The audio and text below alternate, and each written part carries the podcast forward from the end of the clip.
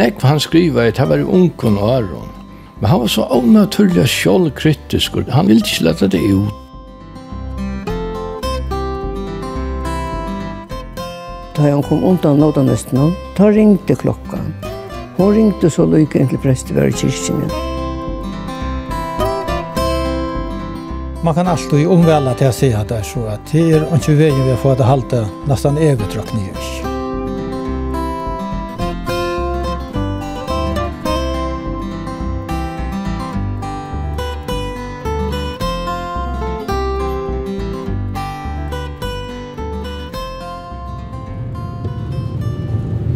Gåan der, og velkommen vi av Nutsjan Tur. Her i Øtne var i desembermanna et særligt hatvigarhalt. Det var fyrir eldste og kyrkjeorko i landet som framvegis er i brudje. Hon blei 130 år og spiller framvegis som fyrsta dagen. Jeg var vi til hatvigarhaltet hetta kvalitet i kyrkjene, tog opp og kjørde nekrar samrøver, og Og i det er jo et leik atter og i øyne for jeg kjera nokkur prat av treat. Etter er jo i sandøyne. Vi tåsa om orkona i Skalavukar kyrkjo, som opprunaligen stod i Humlebekk kyrkjo norranfyr Kjeppmanna haun. Hon hefur lagt Salma Sanchen i Skalavuk, sujan en 1928. Saman vi øron avhåverton Luton. Henda hatujar degen nu i desember, spalte faste organisteren Elsa Maria Trondesen til Felagsholmen, og Helmar Jan Hansen spalte nøkker stykje, og fyrvirrande Sandøya prestor Jakob Reinert Hansen grøyte fra søvende til som særlig er jøvføre, og tei troi og annor hitta vit i hese sending. Og nå er jeg kommet til Skalavigar. Skalavigar.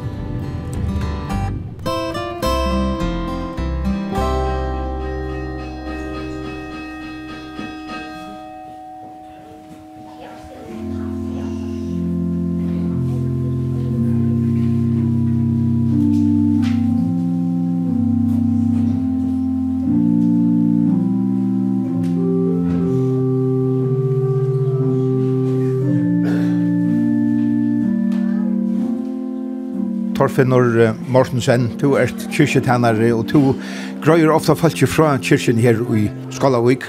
Hundru og halvt trus år, og så langt kan en orka halda? Ja, altså, til sånn der sier, så kan orkli alt i det her er alt bygd ur gamlun tre, gavun tre, og man kan alt i omvæla til å si at det er så at det er ikke veien vi har fått halta halte nesten evitråk nye. Så til tre og piper? Ja, ja, ter, ter er det tre og nekrar er av blikk. Det var i 1990 først da jeg orgel ble omvalgt. Ta i høyda var 100 og vi hadde han gått 20-120 år. Ta sødde der at jeg kunne spille 100 og 20 år når jeg tredje åtta nek. Og i skilje alene at til 1990 først da hadde det altså trakka så, så det var luft i bjølsen. Ja, ja, det ble trakket her, og det er en visare av søgene som har konstant hittet ett år, for jeg vet hvordan det luft var, og han skulle være nøglunda mye inne av spåren, så at man kunne fylgja vi hvordan det luft skulle til. Og her kom det an på hver spalte. Spalt man tvoistemt eller fyrstemt, så skulle man ha luft til at det spalte fyrstemt. Her kunne det være som det strutje hvis det var en lange salmor. Ja, ja, pedalen er så. Man kan trakka orglet hvis det ikke er lekseter. Så det spiller akkurat lukka vel om man ikke lekseter. Her høyres det ikke noen forskjeller, det er ikke ikke. Det vil slippe av i kinko halvtid. Det er alltid jeg vil glede for. Det er en orglet så var akkurat jeg snir harmonien om. Jeg har alltid kom om år hundra, men det er helt ikke tog at kyrkene var så kaldar og slave vær. Det er det sunt alltid tog vil det skaffa ett ordentligt orkel. Og det man man si at det finner det reilig godt orkel her. Altså, orkelet kommer Humlebæk kyrkjø, her er det 20. Og så i sørste forskjellen skal orkelet omvelast. Og det er for så at finne det hver i år, bygd orkelet hver kan omvela. Ja. Og det finna fram til den her Sven Nilsen som hever ivetidje, alt firma i stær opp. Og i arkiven og ikke hånden stendet det er orkelig bortbliv. Og han kommer så hjem med kanna orgel, og han kan beina min stedfeste at dette her er orgel ur Humlebæk kyrk. Det visste folk her at det var ur Humlebæk kyrk. Og det var bygd i 1838. Og tog vidt vi da orgel er 150 her. Altså 20. desember sier at det er Humlebæk kyrkja våget. Og nå er dette så ta eldsta som er uh, framvegis i brukje i landet. Er det uh, er det noe tog? Det är något jag vill ha att jag halte det i 150 av det. Det är något jag vill är det efter. Det er råkne vi. Det er alt jeg vil må være stolt av. Bäck så jant jag rocknar vi hon hon er måla ena av och i gör tog, men annars er det ikke frusk opp vi lite så när det er är allt sämst allt ju värst. En gammal skärma, 150 av gammel, det har man säger, ja, det er det. Ja. Och tiden framvis vel nøgt vi uh, ljåa i tog. Ja, jeg har aldri ikke noe jeg vil ha noe annet. Det er jo ikke noe om. Det vil jeg høre etter her orkelig. Det vil ikke høre noe annet.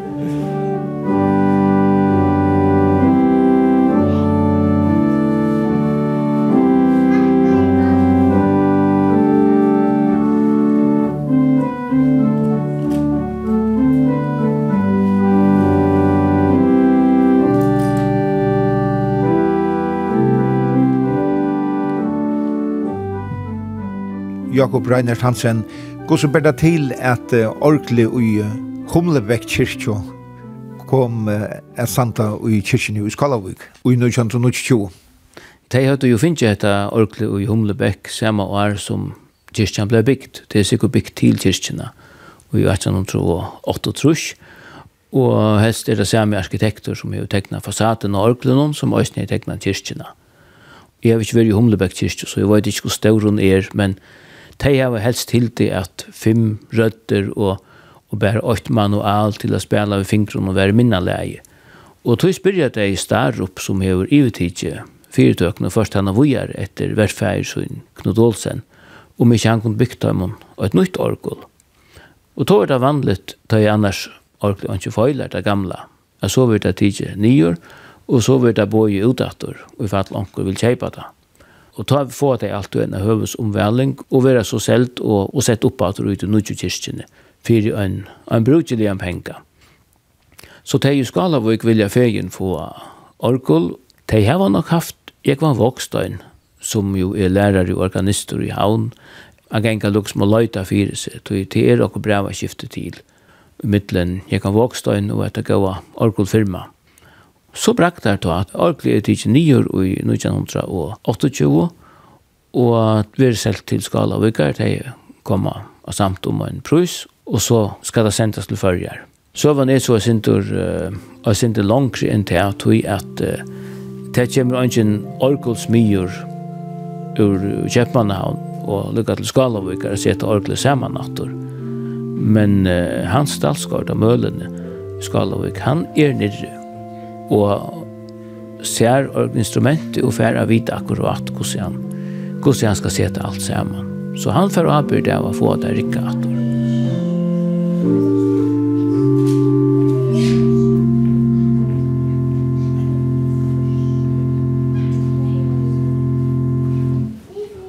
Det er Lars Bergelian i rättor, luften. Märkst du det? Man ser det. og spennende. Han viser hvordan man... Ja. Man ska vara här amin. Här var tvärs första stryk om man skulle halta mitten. Så hejer man passar ta luft. Elsa Maria Trondesen, du uh, er organister her i Skalavika kyrkja, og ja, dette var en særlig dag, va? Dette var en særlig hundalig dag. Og fantastisk at Hilma Jan kunne komme så reisen. Ja. Fullt kyrkja, ordentlig godt. Og du spiller her uh, som der? Ja, som nummer uten klokkan 12, ja. Terje Dalsgård är onkel. Han blir onkel Loisa med. Ja, jeg spiller så onkel noter att spela etter. Det er bare et gehør som jeg har lært meg selv. Så til onkel Solmar kunne vi ha sin det tro på det først. For lager, men så velger vi bare onkel annan. Det blir ikke noe problem. Men det blir til å spille spela de flesta er et gehør? Det blir vel til. Det är bara att man själv vill lära sig spela grepen. Ta ett kantar det inte riktigt. Til onkel Solmar. Men uh, sånn man sanker en gang vel, selv om du ikke bruker spiller etter noten. Det er dette vel, at alltid. At jeg alltid en tjekk vel det, jeg synes. Det er alltid. Hvordan er det å spille kvann sånn og det og eldste orko i landet nå? Jo, det er faktisk nok stått litt. Man har akkurat rei reipo om ganske senter, da. Jo, vet jo, jeg går i Orkland, og det er jo knæsende godt. Kraftigt, ganske for kraftigt, at løyte folk, jeg vet ikke. Nei, jeg har prøvd å spille på akkurat annen Orkland, og ikke her. Og dette er nekta best. Ja. Som jeg har prøvd. Jeg prøvd tvei mot øren kyrkje, men dette er her skal av damen best. Ja. Nå do man nesten alle åttan eller sånt. jeg prøvd å lære meg et nåte, men det nytter han ikke. Jeg do det bare ikke skal gjøre, altså. Så. Fast om vi ville minne, vi det alle. Og nå prøvd å lære meg åkt. Men nei, nei, det er det ikke. Så nu är det nog inte det här. Nu är det bara att göra.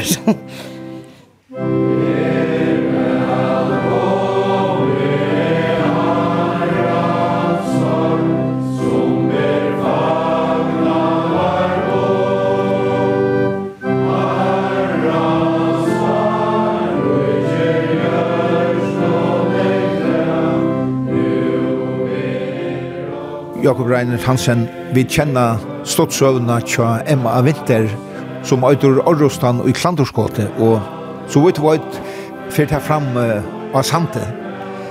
Var det stor motstøv i måte Tom Fist og Orklund som kom og i kyrkjener? Det som søvann sier fra, til det at det kom en, en nødje prester, og det kom en lærere til skole og i bygdene, og lærere, og prester og lærere er samtidig om at nå skal brøyting komme ui. Og det er jo tve ting som henda. Anna er det at nå skulle jeg ikke lese Brockmann langer. Og ikke var det av, men læreren leser på strur, leser bøkjen til øynene som heter Bledel.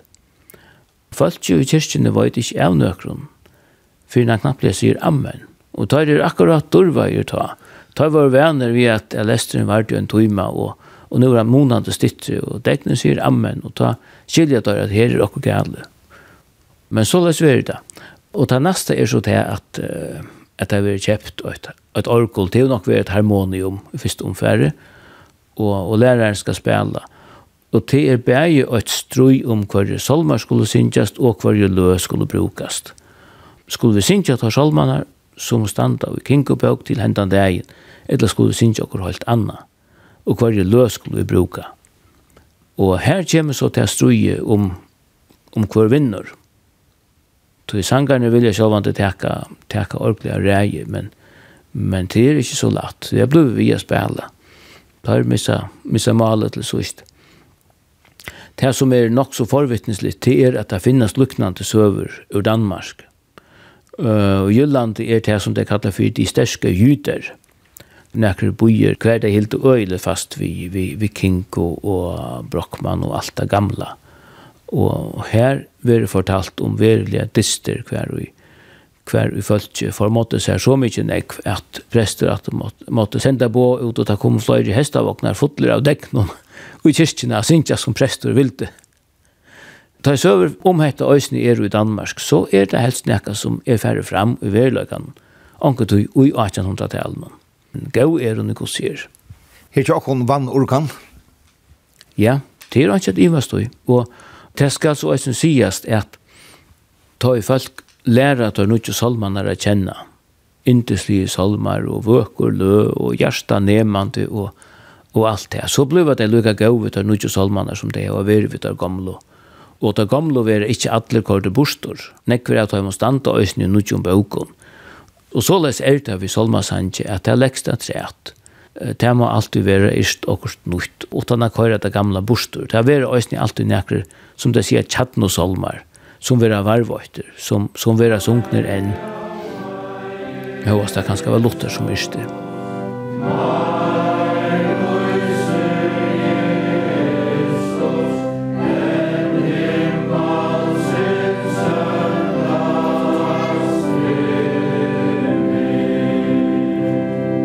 Til meg Jan Hansen, to uh, spalte nokkur vokur stikker uh, her i dag. Hvordan var det å spille og føre eldste orko? Det var snart litt. Det er nekka søvelet i husen. Det er sindavs nere man pleier å si historiens vingeshus. Det er ikke frukt at du opplever det i sånne løtta til hundra alt trus er gammalt er orkle og til steg her i, i uh, alfems år. Og etter det som det er sunnkjøy i, i, i en av alt nesten uh, i Skalavøk. Tror jeg da, stått til det at uh, slipper å vite og hatt jeg alt en sånn at det som en den er uh, orkelig kjølt er, 100 trusjer er gammelt da. Det er uh, lett å spille på. Nå er det ett manual og fem stemmer, ikke nekker feltbasser og ikke så nek som kan genga fire som kan genga gale, sier så løs, men klaviaturer, altså her tangentene er fynestante og jauner og pener og reagerer som, som man vel forventer at det skulle gjøre. Latt og godt å spille på. Og spesielt jo, ja, Til dømes en stemme her, og etter Fogar og alt det. Det har vi, så å si, halvt ikke hørt nærkant om det her ljøet før. Men uh, jeg er med som at det kanskje har sett omkring som pumpearklen. Det har jo ofte forskjellige ljø, et eller navn ljøene. Men uh, 16 føtter, det er nok så kjølsamt. Ofte fer det ned 8 fot. Men her var det altså 16 føt, den ene stemmen bort hun, Det er nok så kjølsamt i en orkle som høyest alt bare fem stemmer. Men... Uh, Ta jever jever Orklund en karakter och ett ett et kärlek jag var nu och ta jever oss tror jag tajt och till dem en full fullsatt kyrka då kör allt ut alltså så så fast du döpt och jag och och fast väl störst Salma Sainsen vi vi tog jag någon och är nu ankna du som spalt här kunde just en juggle hours här 16 15 för jag får det som mer fittlo i jag. Hvordan så du till dette heter for? Absolutt sutt egna ljøv og rykkar øyla vel til fellesang kalt jeg Østen. Jeg vil si at det er et døylig anvendelig orkel, og uh, det fytler vel og vilja ut sine oppgave som er sjående at styrer fellesang først og fremst, men uh, kan også brukes til Anna og, og det er også stått til å spille, og ganske mer klassisk stikker og alt det her da.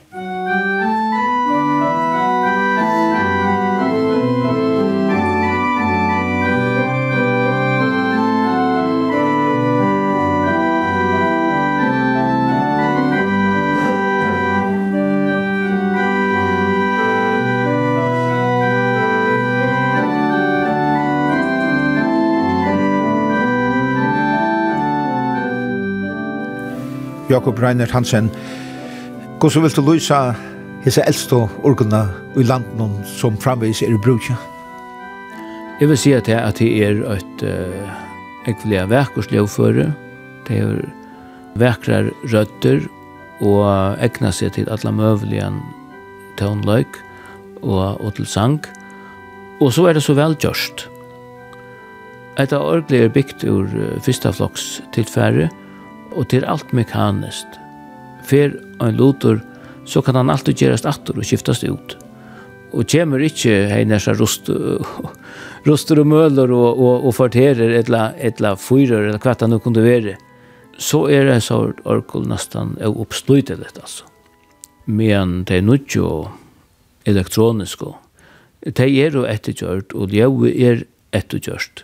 Det er ikke grunn til å hava hava piper och annars standande jag och kommer ut ur någon hattalaren alltså.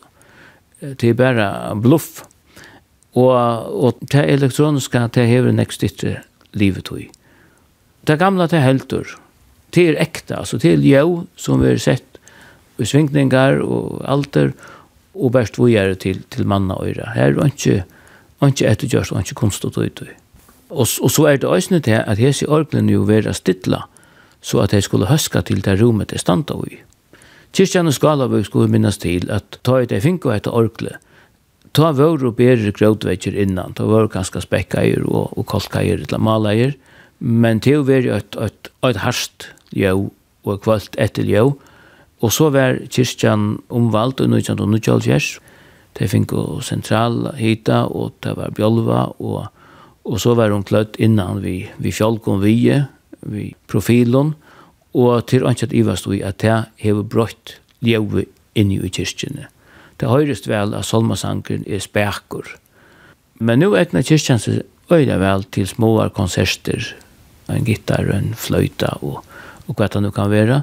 Og ta så orkelig fikk en større iverhaling og i 1924, så var hun sett oppator, og ta var intonasjonen brått. Det var stilla til dette rommet som nå er i.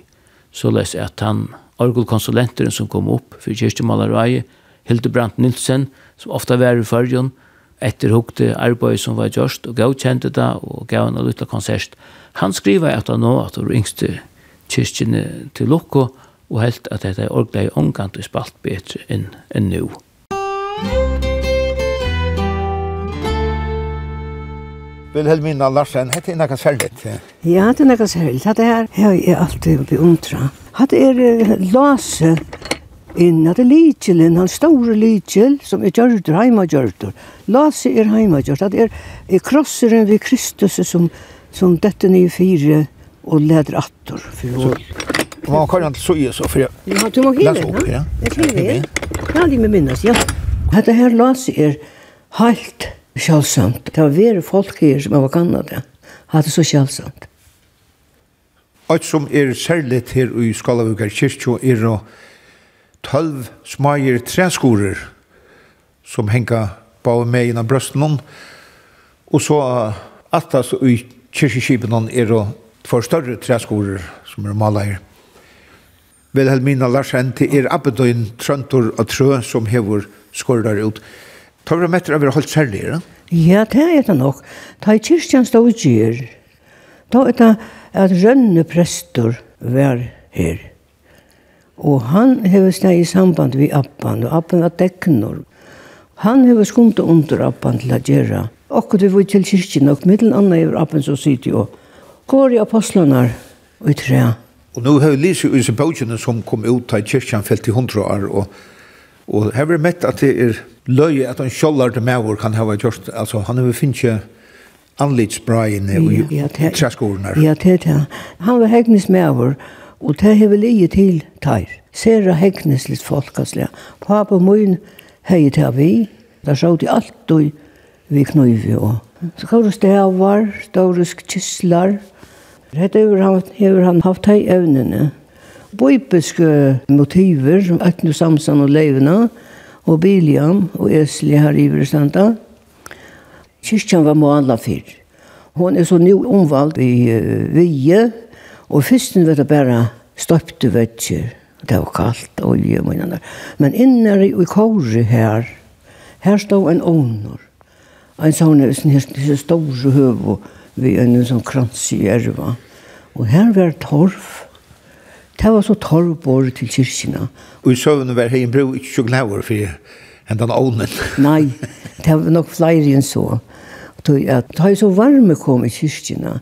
Jeg minnes sjolv hvor svetten rann ned etter vetjen og noe annet. Og gamle prester blikker vinter. Så nå kom varme, og der kjeipa petroleumsovnar, en fyra som stod innan trent av. Men der hun sier prestebeina ved, det har mest malig av oss. Men det minnes det godt. Jeg minnes hvordan oi, oi, oi, ta loa i her inne, oi, oi. Og tjallan, jeg måtte takke øskene ut eisen ut av. Det, det er jo ikke alltid vært så tødelig. Johannes er her. Å, ja, nødne stand her. Og da du hikker tatt, så sørst du ja, ja. virkelig anledende. Jeg har sørst et ordentlig anlyd. Er døms Peter, da? Ja, ja, det er Peter, krossen og vi nere, ja. Ja. Og her sin eider hadde Paulus, ja. Hette bare han mitt hørreka vi jo sikkert. Jo, det er ikke. Men det sies om Appan. Han var han og ser være en kunstnare og, og yrkjare. Han og då at jeg har haft hei evnene. Du, det sies en, en gammel kona som som var om alder som pappa min, hon sier til at han nytta jo ikke som bonde. Det er folk som arbeid fyrir han, bare ikke og skar ut. Og det er nok sikkert som, som mange føringer som er sett som bonde som ikke er tøyma. Som har haft andre evner. Som har haft andre evner, ja. Det er som mange, ja. Men her var det, her ser brøytene. Pappa må sett alltid av, som oppi orkle, så at her var, var vi til at sjåen og vi var rett. Så vi hadde anka brøykner under her. Så pappa, du spalt i orkle og i mange år, og så først du å spille orkeløsene? Ja, av og til. Så spalte jeg. Jeg minner så vel først før jeg skulle spille og i orkel, da var gamle prester der. Gamle prester, da vi sier gamle prester, så etter blikker vinter. Det var til en av utvarpsgodstjenest. Og jeg minnes hvordan vansjen vær. Og jeg minnes eisnig for første solmer i spalt. Og det var «Å kristelighet». det var helt forskrekt. Ja, pappa spalte mest etter gehør. Det var jo bare en av stemmen. Men han heie, han hei ta evnen, han så. Jeg har alltid kjent kjente var på lenen. Men han sa punkteringar, sa hva det skulle hente. Det han spalte alle versens noter. Jeg hadde etter mesterlig av suttja, at han finner det til. At man husker om at han sa mølen i fær nyer, og i tar man ørendom, at jeg hadde nyer og sette det opp at det ut av skalavik og mørkja hver jeg pøyp og mørkja hver sprek jeg hadde det mesterlig Papi satt i orkelen og her satt jeg som baden hver eneste sånt om lino og og hukte ut iver her. Jeg vet akkurat hver det sitter enn det var fast der på Richard jeg så nye her. Antnes Jansa stod og tøy sa de her, Jeg sa ikke langt i atter. Og dalskars folke, og møla folke satt her. Men jeg vet hvor jeg måste mun satt her, det gjør noen stå og folke satt her. Altartalvan her i Skalabøga kyrkjå er særlig. Det var Jakob Johansson, bøndi i Dalskari her i bygdene, som let kyrkjønne henne i 1600-tallet. Og om uh, altartallene stender i bøkene Kvita kyrkjan, som var givet ut av Skalavika kyrkja fyllte 100 år, Her stendur at altartalvan i Skålavik man være eldsta altartalva i brúkje i føreskar kyrkjo. Evne er heilige kvöldmåltøyen, vi vet ikkje hver hefur male henne, og heldur ikkje årstale. Men nøvnene av tøymon som gau henne standa av henne, Jakob Jonsen og Kirsten Klemensdatter. Og bøndakonan var døtter den kjenta Herra Klement. Det var kyrkje sier sjålvande som alle andre ære sier var. Alt var jo til ratteslag. Prester boe og i møynare tog nere møl, som vi sette som Valdemar og sånn nå, og satt nere brøtta Viggo Sigurdsson. Vi så han ur kyrkjegjere da han kom undan nådanesten hon. Ta ringte klokka. Hon ringte så lykke inn til prester var i kyrkjene. Og prester er langa vi å ganga. Han er alltid stora galosjer. Og tar stå ut i forskirkene da man kom i kyrkene. Prester kom så. Jeg var ikke til stendte nøyre stedene, men uh, hvis vi kyrkjeklokkan ringte klokkan seks frutja kvöld, det var det messe på til sonnedagen klokkan tolv, er gongt. Og jeg har vi hørt at her så i Dali hva det er nå, jeg med og min Hilmar, han sier til at en med oss med at hans i Maltus, han var kyrkskaffare Han hei et heit jobb i eisene og i bygden i her. Det her var ungen kyrkja, det skulle til ljusåkar. Frutja kvöld at messebo var ta. Og da var det så fint at det kom. Jeg minnes det var koner som høyde hatt. Da var koner i hatte. Ta lødde hatten av brudgen av vi så inne av der andre for opp. Erve, det var som jeg minns først. Da høyde det kaffe, åren, gjerraferna. Det minnes det tog at prester kom til Gjerraferna, og ta var ervis liot, så han måtte boja landje. Til endan sier blikker vinter, nei, det går ikke. Så at han sier nei, dette skulle ikke være, han skulle være 18 år. Så til det. Så er vi blivit flott at rom? At rom, ja. Det minnes de eisen.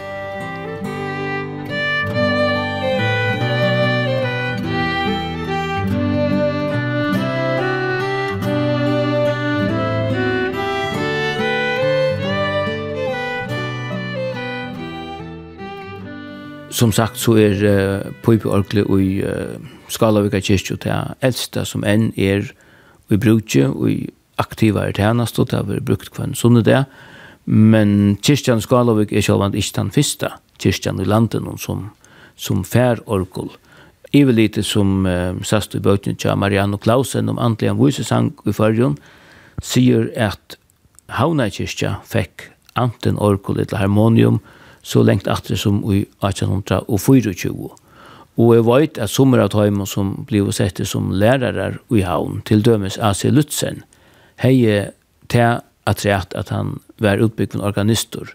Vi så ikke også at her bygdene som veksa og teka seg fram, vi slupp fiskeskapen om, til dømes av tvørere, her får det harmonium, langt i 1800 og, og tjej og alt trus, og, og i vei få det og det er jo altså Pøybyarkel bygd av som samme Knut Olsen og i 1802 og halvfjers bare fyra år yngre enn det av Skalavøk og det er et orgel som har spalt inntil for nøylige så finner de og et nytt og større orgel og jeg var så omvalgt av gamle og bruker det som, som kaurorgel særlig Så koma hina bygdene så kvarst. Jeg halte nekva stene erta fram og i møter og er 1900 at harmonium koma ta halde i føringar høyljarsta er færre a sinja ur salmebok for kyrka og hjem, som halde i kom i 1895. Ta er lukka som nudj lø og vanlig underdøka fire hetta skulle vi teva. Ta gjerst orklen rettelig vanlig. Føringar hava jo òsne sunnkje salmar og Arenbøkjen tja Kinko kom ut. Du skal minnas til at, at hon kom ikke fyrir 1695. Det sunnkje òsne ur salmarbøkjen tja Hans Thomisen fra 1500-talen og de teka nødja solmer til sin. Det er koma bøker ut snu i 1600-tallet som vera seltar i øynehandelen og i havn.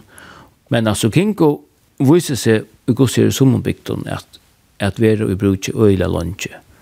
Kjøtnuskingar har jo så rønt at at varvøyt hans engin, men det merker jo ikke at høyre ikke øyne har brukt nødgjere danska bøker og, og at jeg synes jeg før skal de fleste sundener her når Så kommer føreskor salmasangur så spekelig at det krever jo for det første at nekar iskjer eller omsetter tilførest og Frøyrik og Petersen, SM, Sumi Mikael, Zakariasen av Kirstjo og det er nesten alle tar som iskja nekka ta første tøyina tar iskja òsne salmar.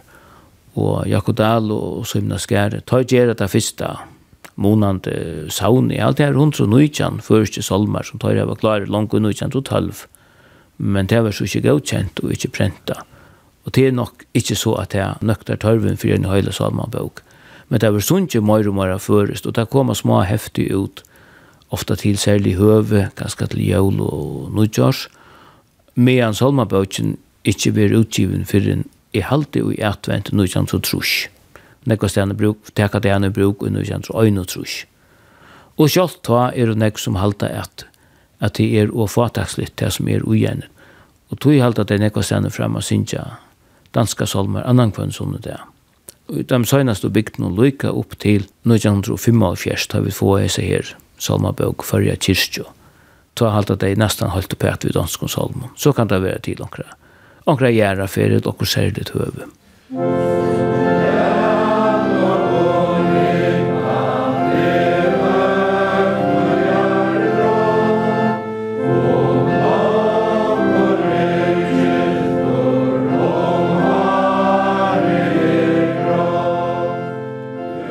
Ei og mor videre to sidde i 22,5 år her og spalt av Orkli i Skalvigar kyrkja. Hvordan vil du løse dette Orkli? Jo, vi halte til at jeg jobba vel, men uh, jeg sier Orkli vi får det at jeg har nok mer moderne enn klang, men dette rikker vel. Og alt det jeg minnes var en organister her, jeg var naturlig, Pablo Vilmino, Jeg råkne bare vi han er berja av hvordan så er spalt, så jeg heter Orkle kom i 1920. 20. Ta i han fall fra, ta for Rorsson hans og jeg kom på til å spille. Det var så ikke første. Der hadde vi spalt vi en, vi tvei med og en oktave midtelen. Det var det vera mitt i alt rushen. Ja, mamma åtte henne moster nere i København hon var ahu i tonleitje, og mer om de eisene vel, men ta var jeg, jeg vet ikke, en stor smadronker. Men hon er så snakka vi sa mostren om hon ikke kom til finna et orkel bøylet nere i København, som anka kassera i, så vi kunne få.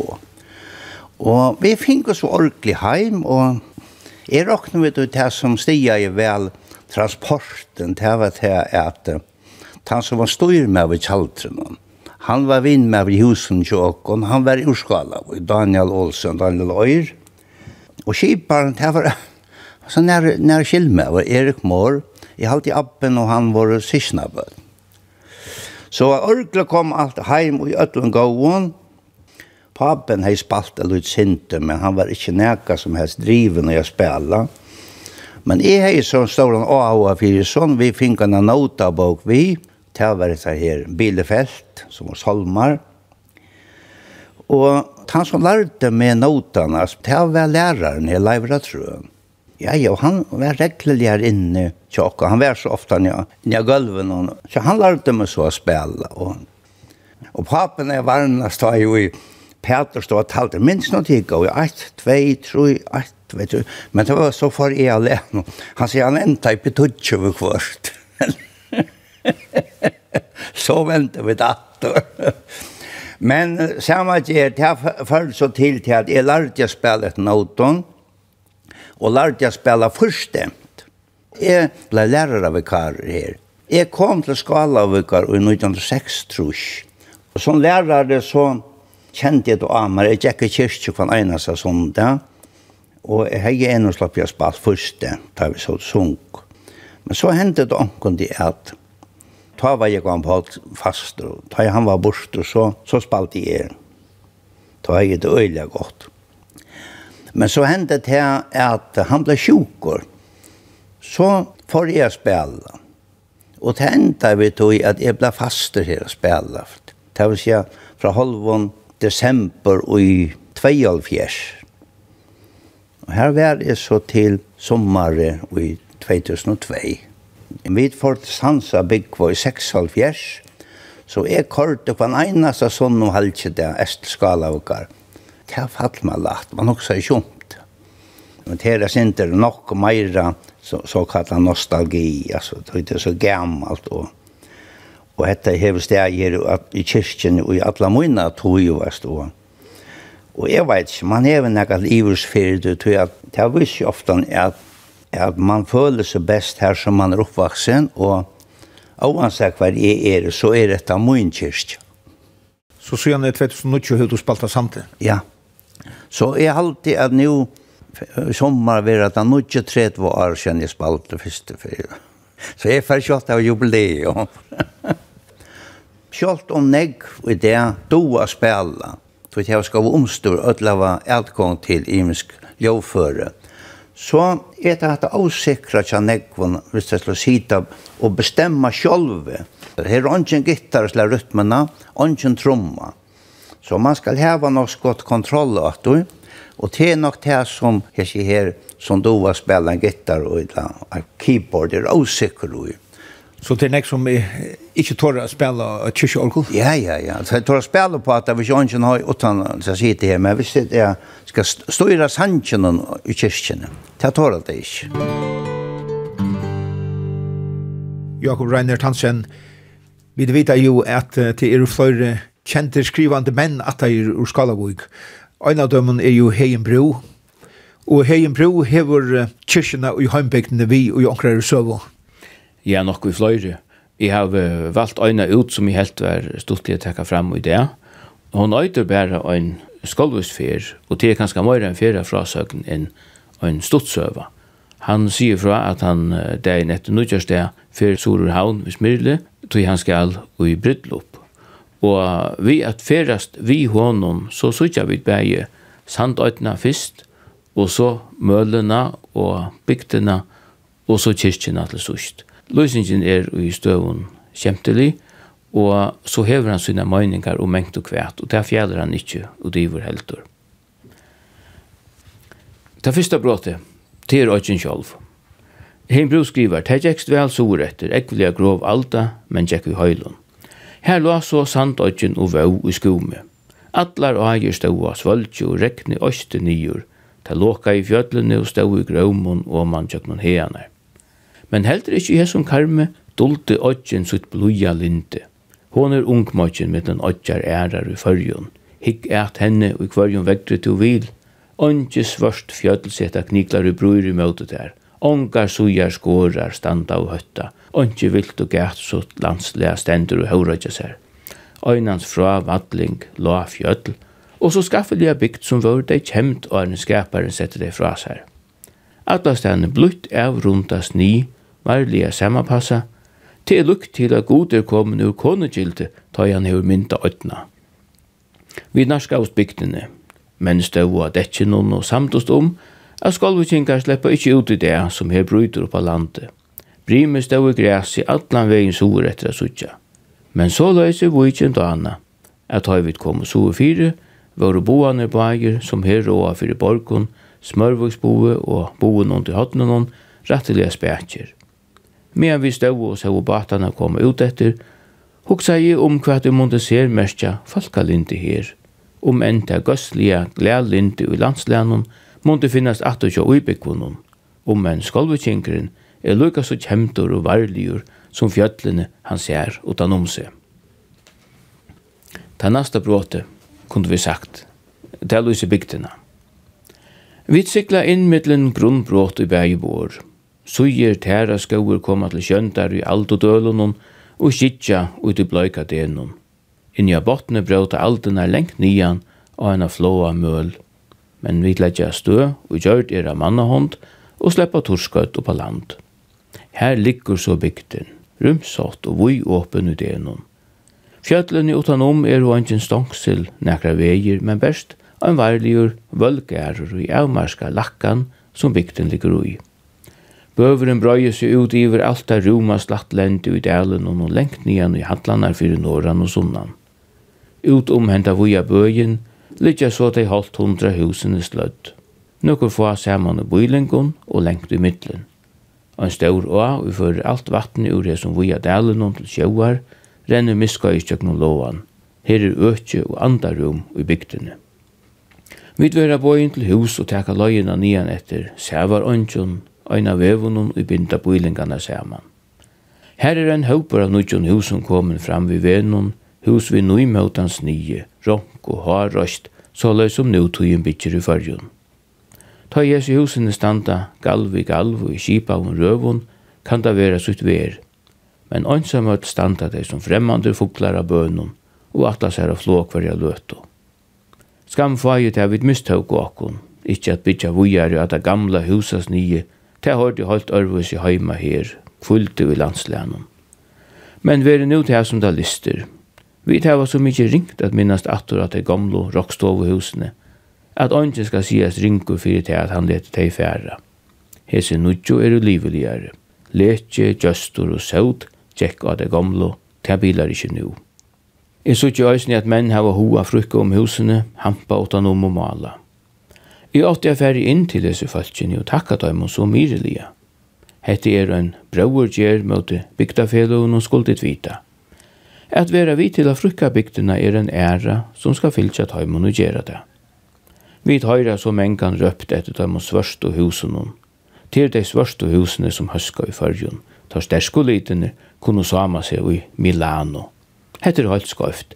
Milanos kinkar hava minne bruk fyrir sterskon liton enn. Lat trui av edlu vera svørst, annars lukt av kvítun og restina vi ørum sterskun litun. Sterskir liter valde vi kile, pruja bygdenar.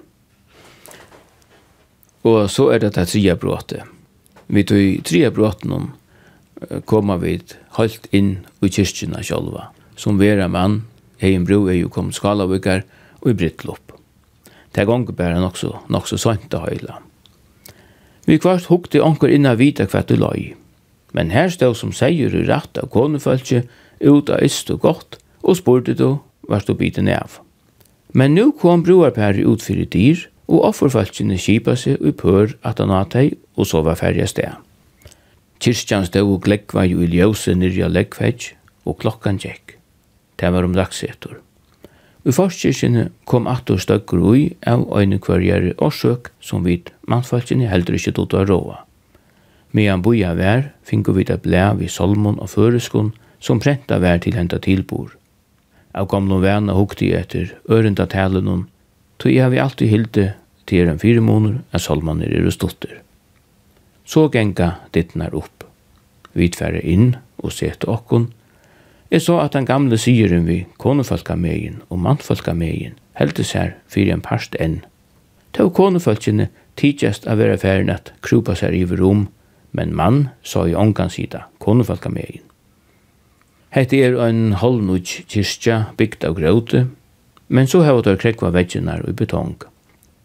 Ljøs mala innan vi minstum i loftunum, tvørst som kaurveggjen standa på yblio år vi staurun stavun og føreskun og minna om malvinen Andreas Evensen som heva prestor og som her tala i okkara mal, fyrstur av öllum prestum i fyrjun. Altartalvan er målningur og i viser inn halga notteran, given til ta kyrkjina som var undanesare av bøndatjonen i Dalskare. Trøndra Trø og en annar bøndi i Skalavik, og et navn som vi er nevnt vi er og i bygdene, hever skåri allar apostlanar i trea. Øysene Samson og Bardia Viljone, og hongt i kyrkjena. Alt listaverk som bygden hever er og av. Ein ovner stendur i kaurenum. Han prøyer ikkje om.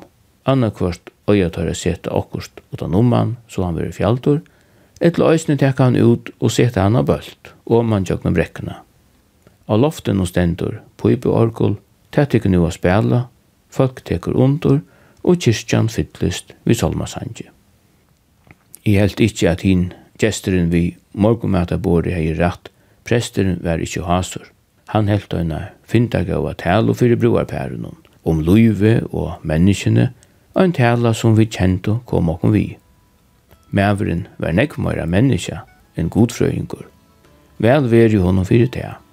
Slukt er okkon at gagne, kyrkjan hefur bruk fyrir sovornom mannom.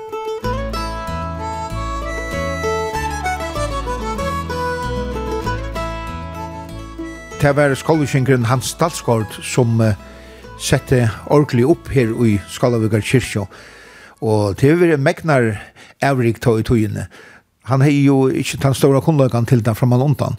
Og Bjarne Dalsgaard, hans har vært farbraver inn. Ja. Hvordan vil du løse at det er avrik? Han var nere stator i omkring Ørendon, og så var han her og tar forklare av hvordan han sitter det opp. Det ble så først til førjar, Men ta det av er sovor, det til at sjekk kom at omkring pøypon. Så ta i han hei sett opp, ta var der falskar omkring pøyper. Og men han leidar i ånda og skålav der i hot, og fikk rattal jo eisen. Og som jeg har skilt, så stemmer han ordentlig eisen. Ja, han så at han ikke var orkelbytjar eller nekka såret, ja. Men det var så stort, vet du, det passet ikke inn på loftet. Og det ble sett ned i mannfolka med igjen i kyrkjen, og det ble slett ikke rikket, og i settene ble det sett opp av loftet her, det var jo klem mot av mølene, klem mot allskort, og jeg var en kyrkjer, jeg kunne tro, og Steinbjørn Davidsen som, som gjør det til arbeid. Og nei, det at han fikk det rikket her, til vel, han var en heknesmøver. Jeg minnes jeg spurte papan henne om hans var heknesliger. Hans, ja, han dødde alt, sier papen. Han var en sånn dolig møver. Og så alt som han gjør til eisene, han fikk uh, ringeklokkan her i kyrkene. Det var bare ein, hun var nok så løytel og holdt sitt eller. Men uh, Skottland, det var fire mann av skipet som silt om Danmark og Skottland og Førjar og Østland. Det var land av kvalene i 1904. Og tann skipsklokkan var så stor. Henne gav skiparen til kyrkene, Men hon stod her så lantje, men hans fikk han altså hongt opp sammen ved øren, og fikk der at slåa sammen. Det var nok sånn arbeidjon av strutja på at jeg rikka. Tver klokker som skulle slåa sammen. Han er veldig rolig at doligjør. Det må man säga. Vi kjenner jo Østnyn som en skrivande mann, en av de skrivande mannen ja, ja. som blev kjent. Ja, ja, ja, eisen til, ja. Jeg kan letja til at, at Lasse, Og i kyrkjen, det var smidgjørt her, en olje Boen i alt, ja, det gjørt det. Og det var nødja i han, gjørt han av nudjon, og ta gjørt han av krucifiks, fire liklarhålet, så at ikke regn kom inn. Og det er et, et, vil si, litt kunstverk i seg selv. Men han var en kunstnare, tog at han, ja, ja, som du sier, han skriva i nok så negv. Men negv han skriva i, det var i ungen og aron. Men han var så onaturlig sjålkritisk, og Han ville ikke lette det ut. Men altså, det er stavna av ungmannafela her i Skalavøy. Her var han en av høttmånen, da vi bygde ut dansstående eisen til han. Ja, til vi er 13-14 til å ta, ja. Ta var han liksom en drøykraft ut hoi, og jeg minns ofta at en gammal med var Luther, da papi egen vitare som er kjentor nu, han pleide å snakke gullig ofte om forskjellige som tar høtt og set, kvöldseter i dansstående og sjånleik og så, og stortle fra hans. Så han er veri en dotte og gjør det sånne sketcher og sanger og tatter til til Så han er veri en syntor ørvese. Kanskje ikke passa inn så øyla nek ut av vanlige og bygda myntene. Vi er sintor for seg sjølvan. Kanskje det er. Han hei så Jans mye og eisene og smuja i okkur av tog. Det var en med som sier mer, det var han som leitna, han fortalte det fra, fra hans skumpetoft, hans Samusen, han boer ikke hans og ta en jekke skole i havn. Han sier til at han var så grolig kjallkritisk og han altså øyla kritisk og han leta fra seg og tog kom ikke nek fra honom. Men han er så, Gossfjord kom vel fra hesar uppgavene? Ja, det må man sige. Det må man sige. Det er skjeit jo, jeg var just det her.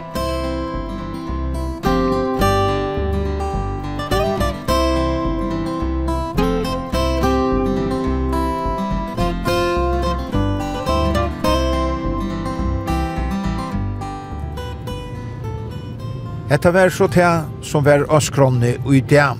tann søvelige orkan og i Skalavugar kyrkjå Og så fikk vi det i ærer søver om kyrkjena og kyrkje sier, Sendingen er atter at høyra torsdag klokkan 11 og leierdag klokkan 4. Og to hever østene måløyga at høyrana av heimasynet til kringkvartenen skriva kvf.fo framskak tt. Og så ber oss til at høyre henne som podcast etla av iTunes og Vi Tori og Tori hever òsne øyne Sujo av Facebook. Du er velkommen at ta med henne, så sart du mynter fra turen og Anna som kommer inn her. Vi tfæra en tur om øyne Viko.